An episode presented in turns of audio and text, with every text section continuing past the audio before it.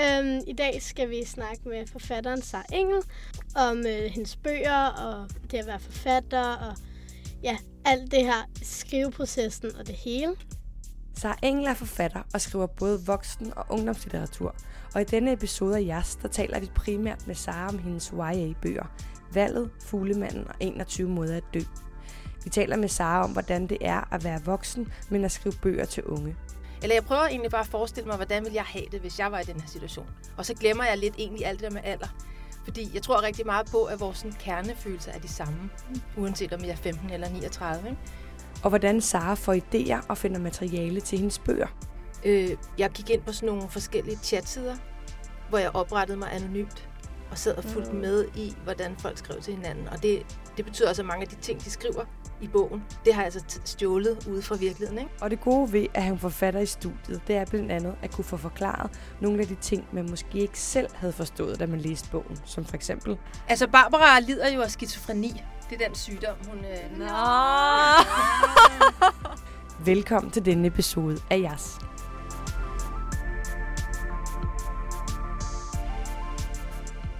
Og ja, så vil vi gerne sige velkommen til Sara. Mange tak. Yes, jeg hedder Karoline, og jeg er 15 år gammel. Ja, og vi, vi går i 9. klasse sammen på den klassiske legatskole. Ja, vi kan godt lide at læse bøger, og vi kan godt lide at sådan være Det er sammen. Ja, ja det Jo, er jeg, jeg hedder Gertrud, ikke? Så. Men jeg er sådan nok mest til sådan gyser, eller sådan lidt, der skal være lidt spænding i. Det er ikke så meget fantasi, sådan med monstre og sådan noget, mere sådan noget med, Realistisk. ja, mere noget realistisk gyser og spænding og sådan noget. Altså, jeg er jo meget til sådan blandet, hvad hedder det, genre. Altså, fra alt fra fantasy til øh, sci-fi og romantiske bøger og den slags. Så øh, det er meget blandet. Ja, nå, jamen, jeg hedder Astrid. Jeg er 16 år og går også i 9. klasse. Og jeg kan sådan rigtig godt lide romantik. Det er sådan det eneste, jeg ikke lide at læse. Jeg, jeg kan godt lide sådan en blanding. Der skal altid være rigtig meget romantik med. Og så måske, Sara, hvis du kunne præsentere dig selv. Øh, jeg hedder Sara og øh, er 39 år og er øh, forfatter. Har udgivet øh, 11 bøger, har det blevet til nu. Hvad er det egentlig for nogle? Altså, du har udgivet Valget og Fuglemanden og 21 måder at dø og Hjertet af et organ. Ja, Og... så har jeg udgivet Forbandet Mødom og Forpullet Nå, Kærlighed. ja, ja. Ej, den læste vi godt. Åh, oh, jeg kan godt huske den. Den, ja. Men hvad var det nu, den der med, om handler om? Den handler om øh, en pige på 15, der hedder Maria, som øh, får en kæreste, der hedder Jannik. De møder hinanden i sådan en bokseklub, hvor han er træner, og hun... Øh, Nå ja. Og så er det sådan noget, ja. Og så handler det ligesom om det der med den første gang. Og, Ja. øh, og hendes veninde, Christina, altså Marias veninde, har også en kæreste, og hun er sådan meget udadfarende mm. i forhold til det seksuelle. Ja. Og Maria føler ligesom, at hun skal leve op til noget. Og...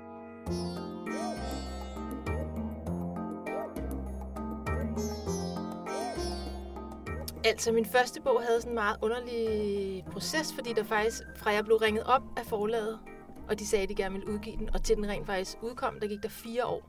Så øh, den udkom i 2009, der tror jeg, jeg var øh, 30.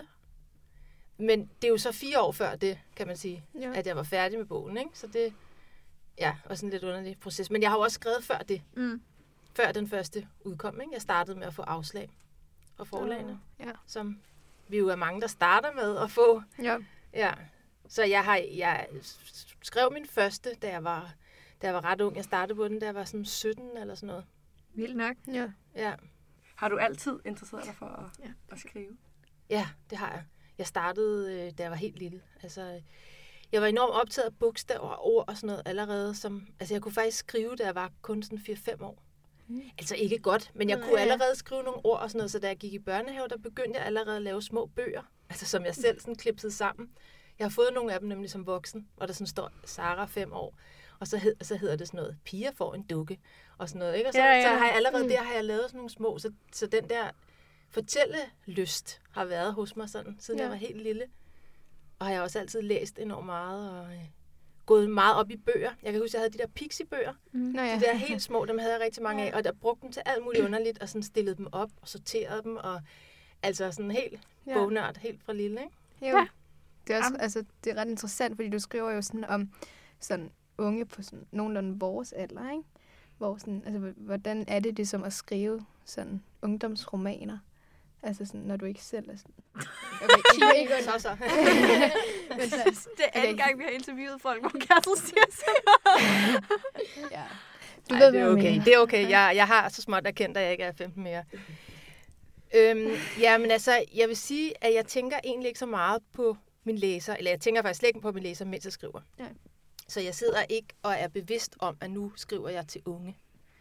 Øh, jeg skriver egentlig bare det, jeg selv synes er spændende. De Ja. temaer, jeg selv er optaget af. Og så prøver jeg at skrive det. Eller jeg prøver egentlig bare at forestille mig, hvordan vil jeg have det, hvis jeg var i den her situation. Og så glemmer jeg lidt egentlig alt det der med alder. Fordi jeg tror rigtig meget på, at vores sådan, kernefølelser er de samme, uanset om jeg er 15 eller 39. Ikke? Hvis man er vred, så er man vred, og den følelse ligner hinanden, tror jeg.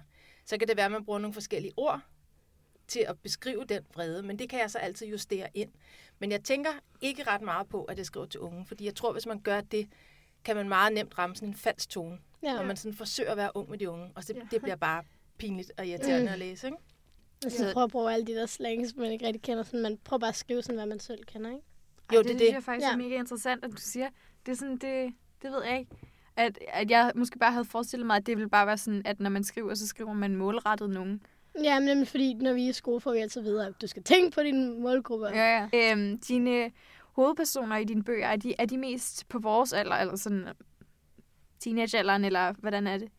Ja, i mine ungdomsbøger er de. De er Mhm. sådan faktisk langsomt blevet lidt ældre og ældre. Mm. Ja, det har vi godt lagt mærke til. Ja, Mm. øh, men det er nu ikke så meget sådan... Altså, det er mest på grund af de temaer, jeg har taget fat i. For Ja. eksempel valget. Mm. Der, der var hun nødt til at have en vis alder, fordi hun gerne ville i Folketinget. Hvis hun kun havde været 15, så havde der været ret lang tid til, at det kunne være ligesom realistisk.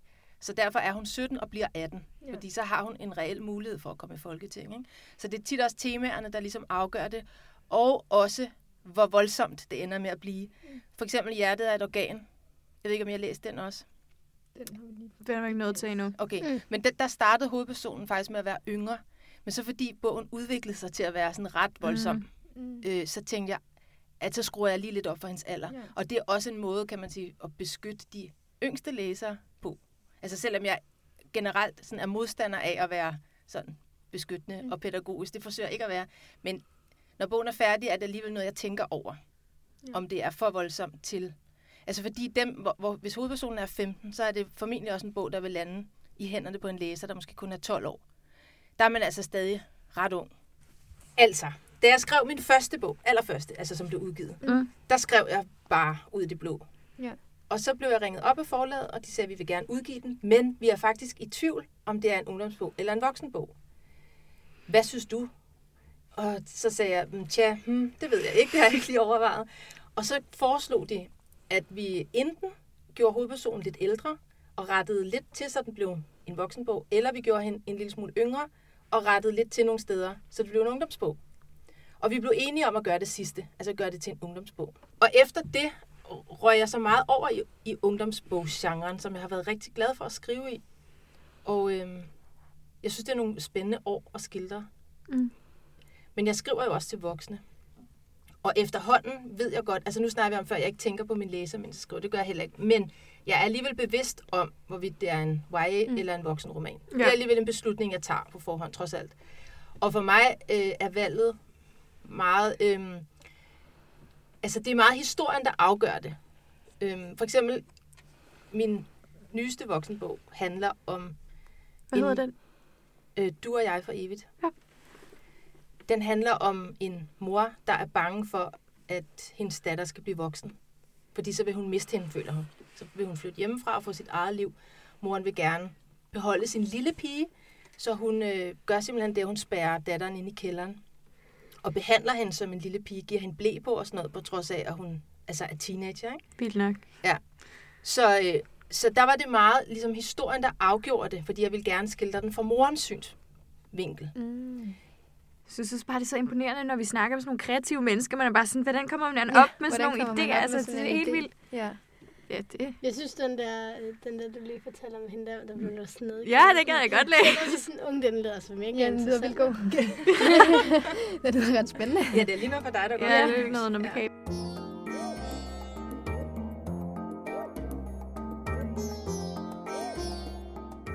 Men hvad hedder det? Det var også ret interessant, det du siger med, at, øhm, at du ligesom skriver for sådan lidt at beskytte, ikke? Eller sådan, du, eller ikke beskytte, Skruer men sådan, du skruer op lidt, lidt op for alderen, så det er sådan, ikke er de helt små, der læser det. Hvor at da du læste den der 21 måder at dø, så var du nødt til at stoppe i den, fordi du Ja, sådan den blev har jeg bange. aldrig fået læst helt færdigt, eller jeg blev bange. Nej, okay. Jeg tror bare, det, det var lidt sådan for barsk for mig, tror jeg, sådan det der med sådan selvmord og, og alt det der. Jeg tror bare sådan, det, jeg, det, det var sådan, jeg kunne ikke få mig selv til sådan at læse videre, tror jeg. Lidt- Forklarer du ikke lige, hvad den handler om?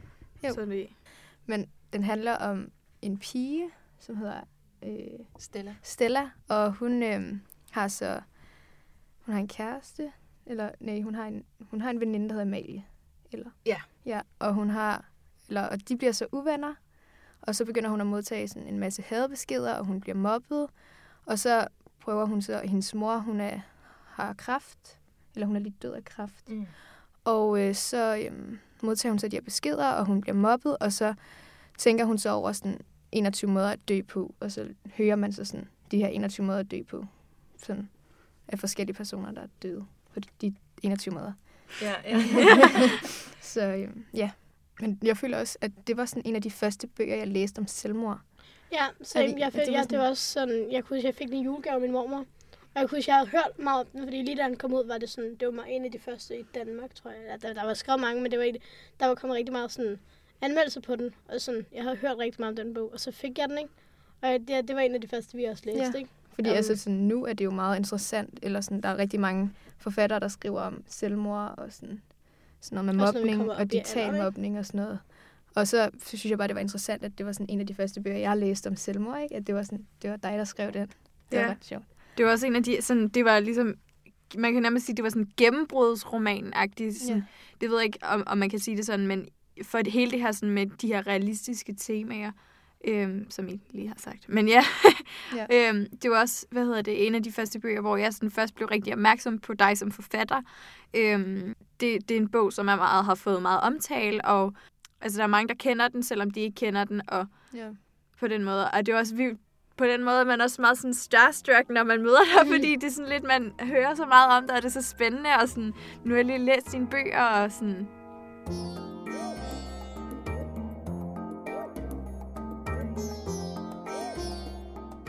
Øhm, 21 måder at dø, den har jo øhm, nogle, nogle voldsomme te- temaer, eller sådan, den tager nogle voldsomme ting op. Øhm, og hvordan var det at skrive den? Altså, som det tit er med mine bøger, der er det researchfasen, der er den hårde. Fordi der sidder og læser om rigtige mennesker, som har oplevet nogle forfærdelige ting. Og øh, det er rigtig hårdt, altså følelsesmæssigt for mig.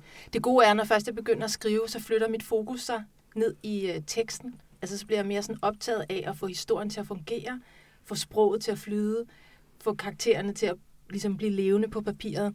Så der er mit fokus mere sådan på det tekniske. Og det vil sige, at jeg ikke på samme måde er følelsesmæssigt påvirket. Altså, så ville jeg heller ikke kunne skrive sådan en bog. Nej, nej. Den er til, den, lige den bog tog to år at lave, og hvis jeg skulle have siddet og været ked af det i to år i træk, så var jeg aldrig kommet igennem Nej. det. nej. Så øh, researchfasen er hård. Ja. Men det, der, der bider jeg så ligesom tænderne sammen og går igennem det. Ja. Det var også nemt i sådan øh, 21 måder dø. Jeg tror også, det var fordi, jeg læste den, da jeg var 12 år, ikke? Så tror jeg, vi havde ikke hørt så meget i skolen om det nu, sådan noget, det der med faktisk at dræbe en selv, ikke? Og sådan noget, så jeg tror også, da jeg læste den, sådan, det var, jeg kom meget langt ind i den, fordi den var svær ikke, fordi sådan, selve historien er jo rigtig god. Man bliver sådan fanget i sådan, karakterernes liv og sådan, ja, selve historien. Men jeg tror også, det er det der med, at man får de der rigtige ting at vide, og jeg tror, det var sådan, det var hårdt, ikke? Fordi sådan, man havde ikke hørt så meget om det. Ja. Men jeg kunne også huske, efter den bog, det var jo rigtig sådan, den er rigtig god for en, tror jeg. Sådan, det er godt. Du, Jeg vil godt kunne læse nu, tror jeg. Men Ja, man er men også det er meget mere hærdet mod sådan, nogle, sådan noget nu. Ja. Altså, Men det er også lidt interessant, for man kunne jo egentlig godt bruge den i sådan undervisning, for Mhm. sådan at lære børn, at man sådan, mobning, det, det er dårligt og sådan noget, ikke? Altså, ja, det er der sådan mange bøger med, men det her, det er jo sådan ret brutalt, ikke? Og det er sådan digital mobning også meget af det, og sådan noget, så det er også ret sådan fremme nu. Altså med 21 måder at dø og hjertet er et organ, der har jeg lavet alt min research på nettet. Øh, jeg gik ind på sådan nogle forskellige chatsider, hvor jeg oprettede mig anonymt og sad og fulgte med i, hvordan folk skrev til hinanden. Og det, det betyder også, at mange af de ting, de skriver i bogen, det har jeg altså stjålet ude fra virkeligheden. Ikke? Som forfatter må man gerne jo stjæle rundt omkring, og det har jeg i hvert fald også gjort rigtig meget. Og med hjertet er et organ, som jo blandt andet handler om selvskade, der har jeg også været inde på sådan nogle sites for unge med selvskade, for ligesom også at få deres sprog. Altså, hvordan taler de selv om det her? Og øh, altså, fordi jeg kunne også være gået ud og interviewet nogle unge, men jeg er helt sikker på, at jeg, har fået, jeg havde fået mm. en meget censureret del af historien. Ikke? Det er meget svært at skulle sidde over for en voksen, som ovenikøbet har tænkt sig at skrive en bog om det, og så skulle sidde og fortælle om de her meget svære og også tit skamfulde følelser. Så derfor gik jeg altså ind ad bagdøren, ind på nettet og sad og, og, og luret det herinde. Ikke? Altså, øh, og det er jo... Øh, altså på den måde er nettet jo en skattekiste for en forfatter, fordi der ligger så meget. Der det er jo så underligt, fordi man kan godt bilde sig selv ind, at nettet er, er hemmeligt og privat, og man taler kun med hinanden. Men det er jo pivåbent, nettet, for det, jeg er ikke specielt IT-agtig. Og alligevel kunne jeg øh, meget nemt få adgang til de her forskellige sites. Så med de to bøger er min research foregået på nettet. Med valget øh, kunne jeg ikke rigtig bruge nettet på samme måde, mm. fordi den handler jo om politik og om flygtninge og om Syrien. Mm. Og det var nogle emner, jeg ikke rigtig synes, jeg kunne få fat i på nettet. Så der har jeg været nødt til at tage ud i virkeligheden. Og jeg har talt med en hel masse mennesker og været inde på Christiansborg og talt med ministre derinde, og jeg har været inde i et ungdomsparti, og jeg har været i Center Sandholm, og jeg har interviewet flygtninge fra Syrien, og øh, snakket med Røde Kors og alle mulige mennesker. Det, nice. det har jeg ligesom været nødt mm. til med den bog, for, også fordi da jeg gik i gang med den, jeg vidste altså faktisk ingenting om ungdomspolitik. Og, øh, og jeg vidste heller ikke ret meget om Syrien som land. Og sådan, altså, så jeg var ret meget på bar bund faktisk, da jeg startede. Ikke? Jeg gav mig virkelig mig selv en svær opgave. Mm. Så, så jeg skulle ligesom starte helt fra scratch med at sætte mig ind i de der ting. Øhm, ja, men folk har været vildt søde til ja. at, at snakke med mig. Også ministerne, som ellers har vildt travlt, tog sig ligesom tid til at sidde og svare på alle mine dumme spørgsmål mm. om, hvad laver I egentlig herinde? Og sådan, altså sådan noget, ikke? Men man kan også virkelig godt, altså sådan, man kan godt mærke, at der ligger rigtig meget arbejde bag øh, valget. Altså man kan virkelig, ja, ja, jeg synes, det er så, sådan en fin roman. Altså jeg virkelig, ja, valget den handler om øh, Senior, som er en øh, ungdomspolitiker, og hun øh, går rigtig meget op i sådan noget med udlændingepolitik, og, øh, og fordi hendes, øh, og, og sådan noget med krig i Syr- Syrien og den slags, øh, fordi også hendes forældre er øh, læger uden grænser øh, nede i Syrien, og øh, så er det, at der er sådan en her, hun arbejder eller som frivillig på hovedbanegården, hvor der ligesom er sådan en, øh, et, øh, hvad hedder det, det er et trykcenter eller sådan noget. Tryghedszonen. Tryghedszonen, ja hvor, øh, hvor der er en hel masse mennesker, som der ligesom kommer ind, øh, hvis de ligesom kommer til Danmark, og så ligesom ikke rigtig har noget hjælp, har brug for hjælp eller sådan.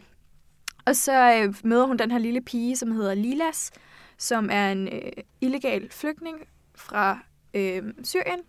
Og øh, hun tager hende så ind og prøver ligesom at hjælpe hende med at øh, få hendes familie samlet. Øh, og så må hun træffe nogle beslutninger øh, i forhold til hendes egen, hvordan hun sådan, synes, at hun kan handle med en ren samvittighed, og så i forhold til, at hun gerne vil have en karriere i Folketinget. Ja. øhm, ja, og, og jeg synes også, du fangede i, i den her roman følelse af, at man ikke rigtig kan hjælpe, eller sådan, hende her senior, jeg føler, at jeg har deler den samme sådan restløshed med hende i forhold til, at hun ser alle de her overskrifter på nettet over, at der sker alle de her forfærdelige ting, og sådan, men hun sådan står lidt med hænderne bundet bag hendes ryg, eller sådan, hun kan ikke, hun jeg ved ikke, om man, sådan, man står, og man føler, at man ikke rigtig kan hjælpe til, eller hun ved ikke helt, hvordan hun skal gøre det, agtigt. Øhm, eller jeg ved ikke, om jeg forklarer det godt nok, men det er i hvert fald sådan en... Øh, det, det synes jeg bare, du fangede virkelig, virkelig godt i ja. den her roman.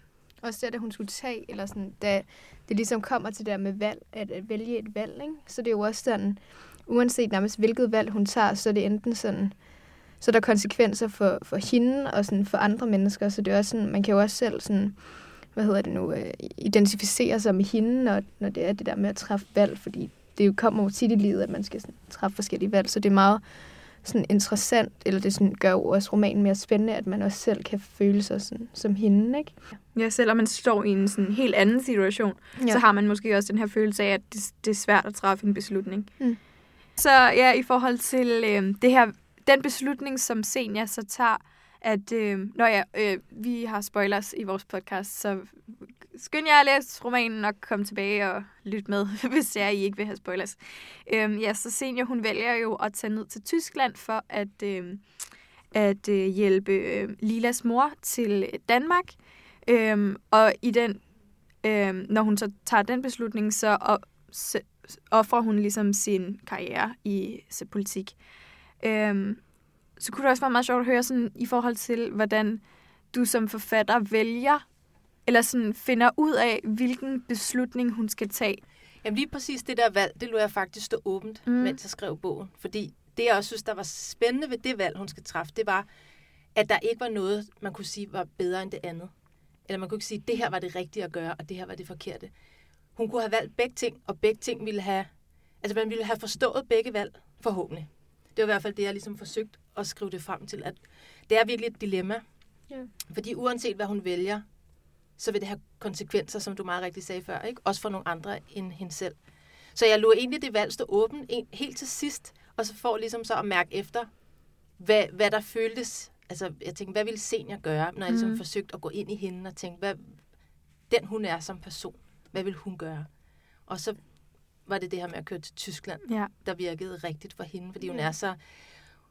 Hun har så meget integritet. Mm. Mm. Altså, når hun siger, at man skal hjælpe, altså, så forsøger hun virkelig også at gøre det, ikke? Ja. Det, det, er også, det kan jeg godt se. Ja. Men man vidste også, hvad hun ville gøre til sidst. Altså, så, når man har så læst romanen, så føler man, man kender hende godt nok til også at vide, at, at selvom man synes, at hun skulle blive, og hun skulle, hvad hedder det, prøve ligesom at arbejde sig op i det der parti, og ligesom at, så hun kan hjælpe flere familier, så ved man også bare inderst inde, at det var måske også det rigtige valg for hende. Ja. Ja. Synes I, at hun skulle have valgt noget andet? Det synes jeg.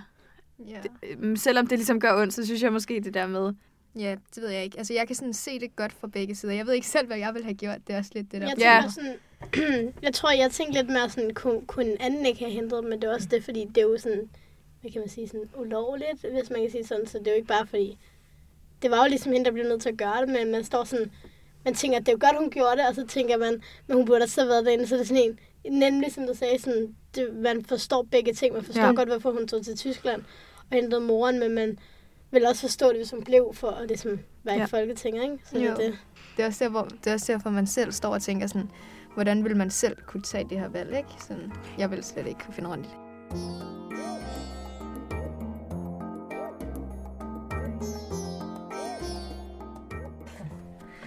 Øhm, ja, så øh, Fuglemanden er en af de også de nyeste, som du har skrevet, øh, og som er kommet ud. Eller, ja.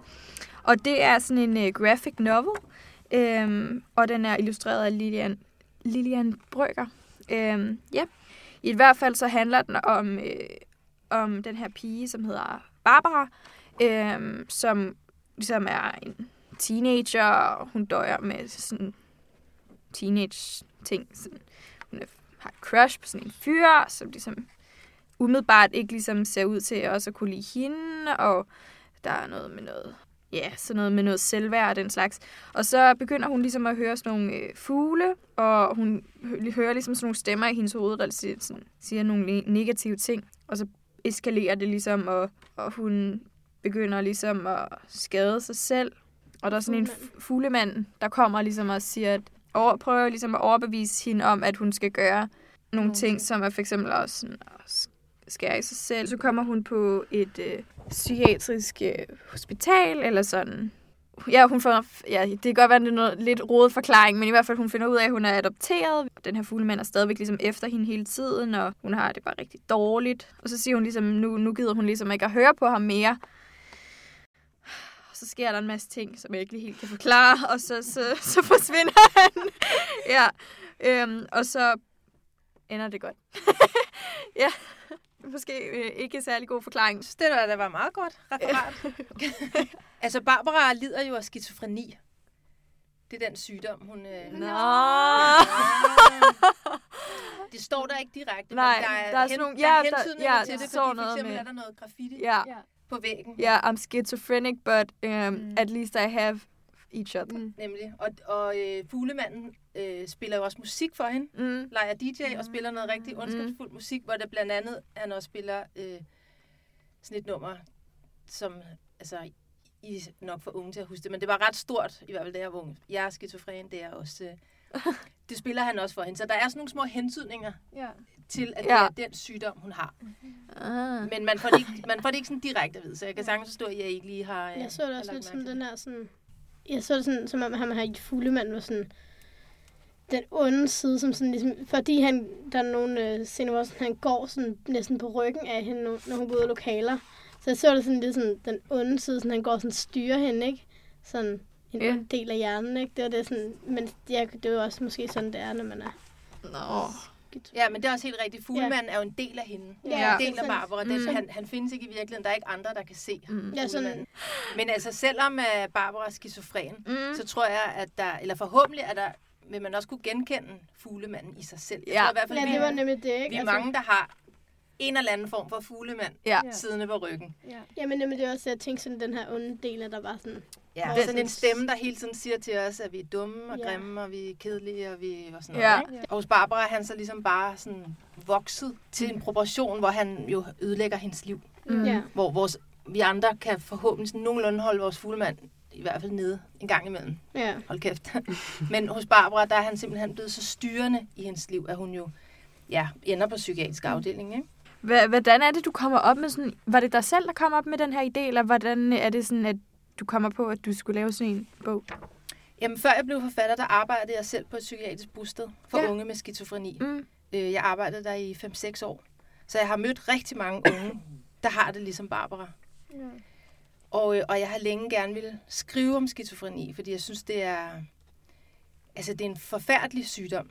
Og samtidig er den meget misforstået. Der er rigtig mange, der egentlig ikke ved, hvad det vil sige at være skizofren. Altså apropos den der sang. Ikke? Ja. Der er mange, der tror, at hvis man er skizofren, så tror man, at man er to personer. Ja. Og det er ligesom bare det, det vil sige. Og der er også mange, der tror, at hvis man er skizofren, så er man voldelig og livsfarlig og, og helt uden for rækkevidde.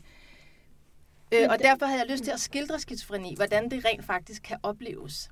Altså, at det faktisk er vildt smertefuldt for Ja. ja. den, der, at der har skizofreni. Og, øhm, og jeg, ja, der var en ung kvinde på det sted, hvor jeg arbejdede, som, øh, som Barbara er meget inspireret af. Som, øh, altså en, en ung kvinde, jeg ligesom med det samme lagde særligt mærke til, altså jeg har mødt mange skæbner Mm. derinde, som jeg, som jeg stadig bærer i mig på en eller anden måde, men der var særlig en, som, som jeg lagde mærke til, hun, øh, hun hed Sara, ligesom mig, og hun var nøjagtig lige så gammel som mig, og så, var, så kom hun også direkte ud fra virkeligheden. Hun, hun var førstegangs Øhm, hun havde haft sådan et fuldstændig normalt liv. Hun læste på universitetet og havde kæreste. Hun havde egen lejlighed og et fritidsjob. Og hun øh, altså var meget intelligent og belæst og køn pige. Og, altså, det kørte virkelig godt for hende. Og så en dag oplever hun pludselig, at der er en masse fugle, der angriber hende og begynder sådan at flå hendes hud af og hakke hendes øjne ud. Altså sådan en meget voldsom hallucination, der Mhm. bare pludselig sker ud af det blå. Og hun skynder sig så ind på psykiatrisk skadestue for at få hjælp. Og derfra blev hun så indlagt. Og, øh, og det er noget af det, jeg synes, der er så uhyggeligt ved psykisk sygdom. Det der med, at det bare kan ramme sig pludseligt. Og så kan det bare smadre et liv fuldstændig. Ikke? Ja. Fordi der er heldigvis nogen, der kommer ud igen. Men der er altså også nogen, der aldrig kommer ud igen. Som kommer til at leve resten af livet på forskellige institutioner rundt omkring. Ikke? Og for evigt vil have sådan en fuglemand hængende på ryggen. Så jeg har længe haft lyst til at, at skildre den her fortælling. Øhm, og så fik jeg den idé, at den skulle være grafisk, hvor man får lov at opleve de her hallucinationer sammen med Barbara. Mm. Sådan, så man forhåbentlig også som læser bliver lidt i tvivl, om de her fugle er der eller ej. Mm. For man kan jo se dem på tegningerne, og man kan Mm. se fuglemanden. Han virker jo levende, når man ser på tegningerne. Ikke? Så det synes jeg, der var noget spændende i. Eller det gav god mening for Ja. mig, at den skulle illustreres på den måde. Ja, nu giver det bare meget mere mening. Det var sådan en erfaring på en eller anden måde. Ja, fedt, så må du gå hjem og læse den igen, Ja. når, du, når vi har snakket sammen. ja.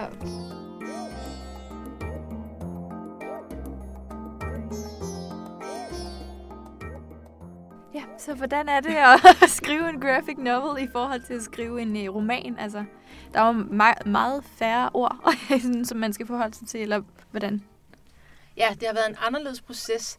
Men faktisk så startede jeg med at skrive mange flere ord, Mm. mm. end der er nu. Fordi jeg, jeg fandt faktisk ud af, at jeg var nødt til at først skrive mig ind på Barbara. Mm. Øhm, jeg har en del sådan, venner, der er illustratorer, og de sagde til mig, at øh, det værste, man kan gøre, det er ligesom sådan at forklare for meget for illustratoren.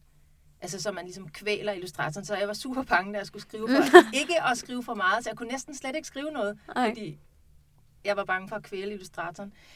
Så jeg kunne rigtig komme i gang med historien faktisk til at starte med, og så sagde min redaktør, prøv bare at skrive, som du plejer.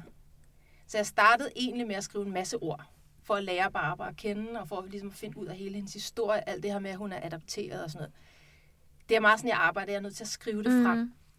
Og da jeg så havde det hele, så, så slettede jeg vildt meget. Altså, mm. så der ikke var så meget tekst tilbage. Og så sad mig og Lilian os sammen og kiggede på teksten og, øh, og snakkede om, kan man skære yderligere, eller hvilke tekstelementer kan vi ligesom omforme til billeder? Fordi billedsiden skal jo helst være det bærende i en grafisk roman.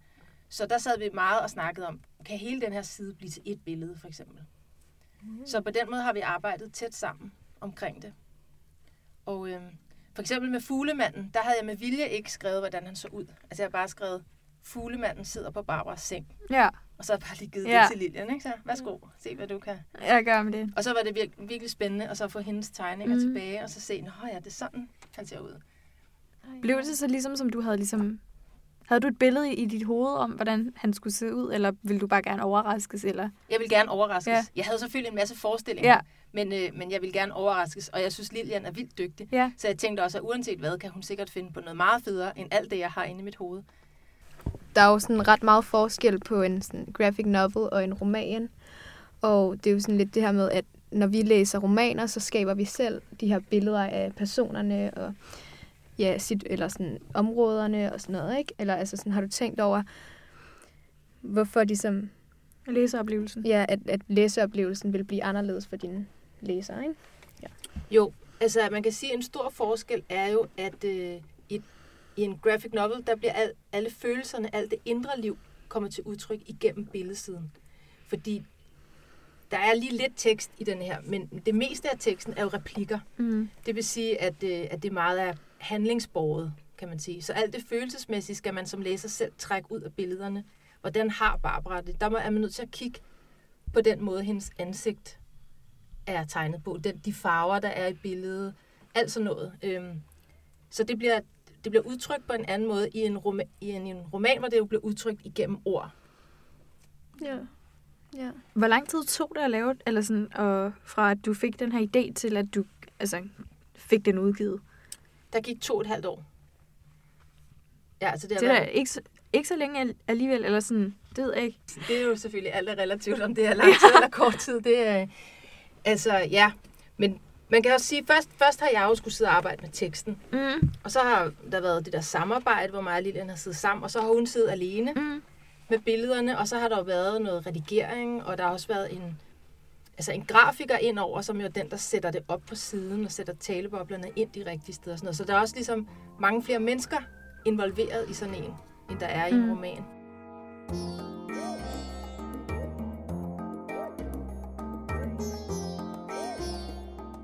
Det er fordi, man kan jo sige, at øh, du er i hvert fald et af de navne, som der ligesom står meget stærkt lige nu øh, på sådan ungdomslitteraturen lige nu.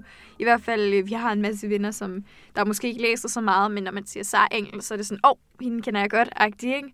Så øh, jeg kunne bare godt tænke mig sådan at høre, om du har tænkt over i forhold til, hvad, hvad er det, der er der ved dine sådan, romaner, der ligesom fanger unge, eller hvad, hvad du tror ligesom er grunden til, at du ligesom har stået ud i forhold til mange andre forfattere?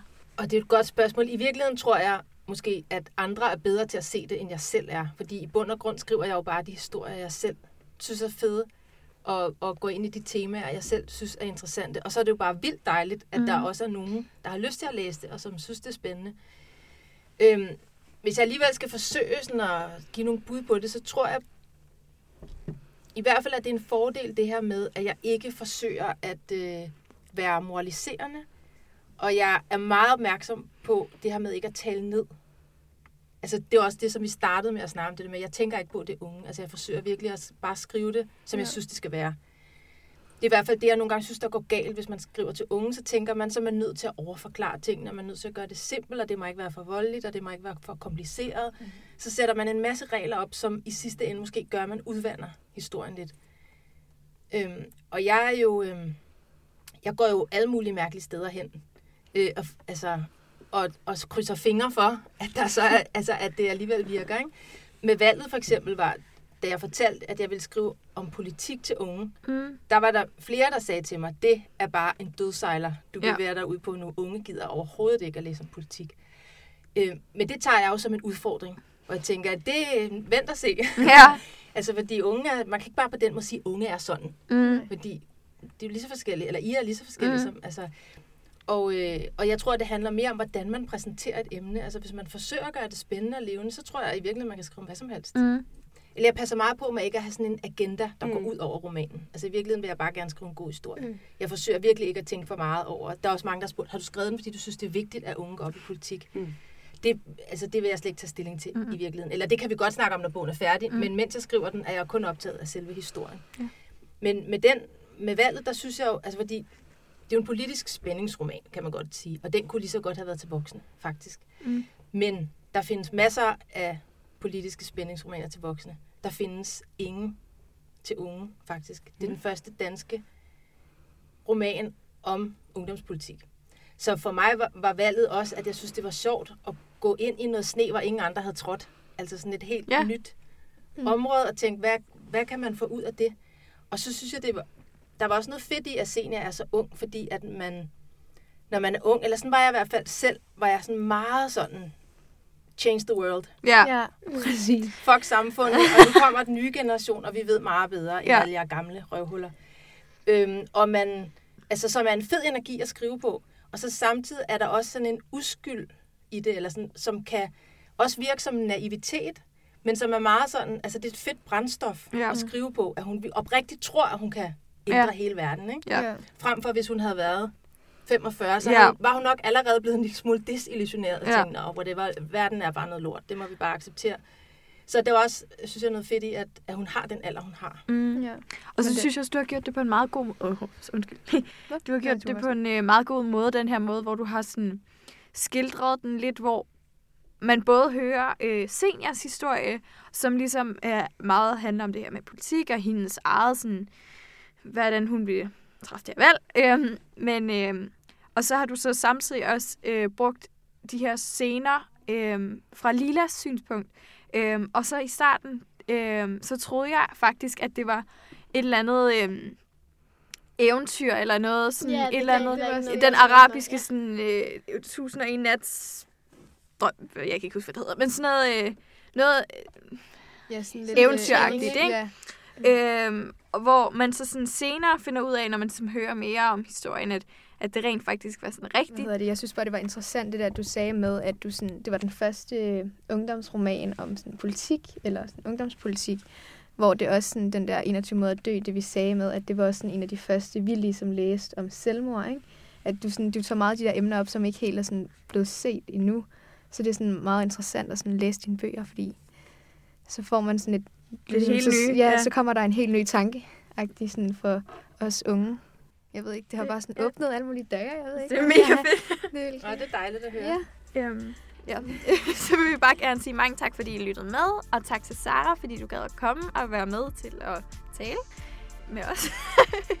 yes, tak for den gang. Vi ses, eller vi lyttes ved. Vi snakkes ved. eller nu, eller...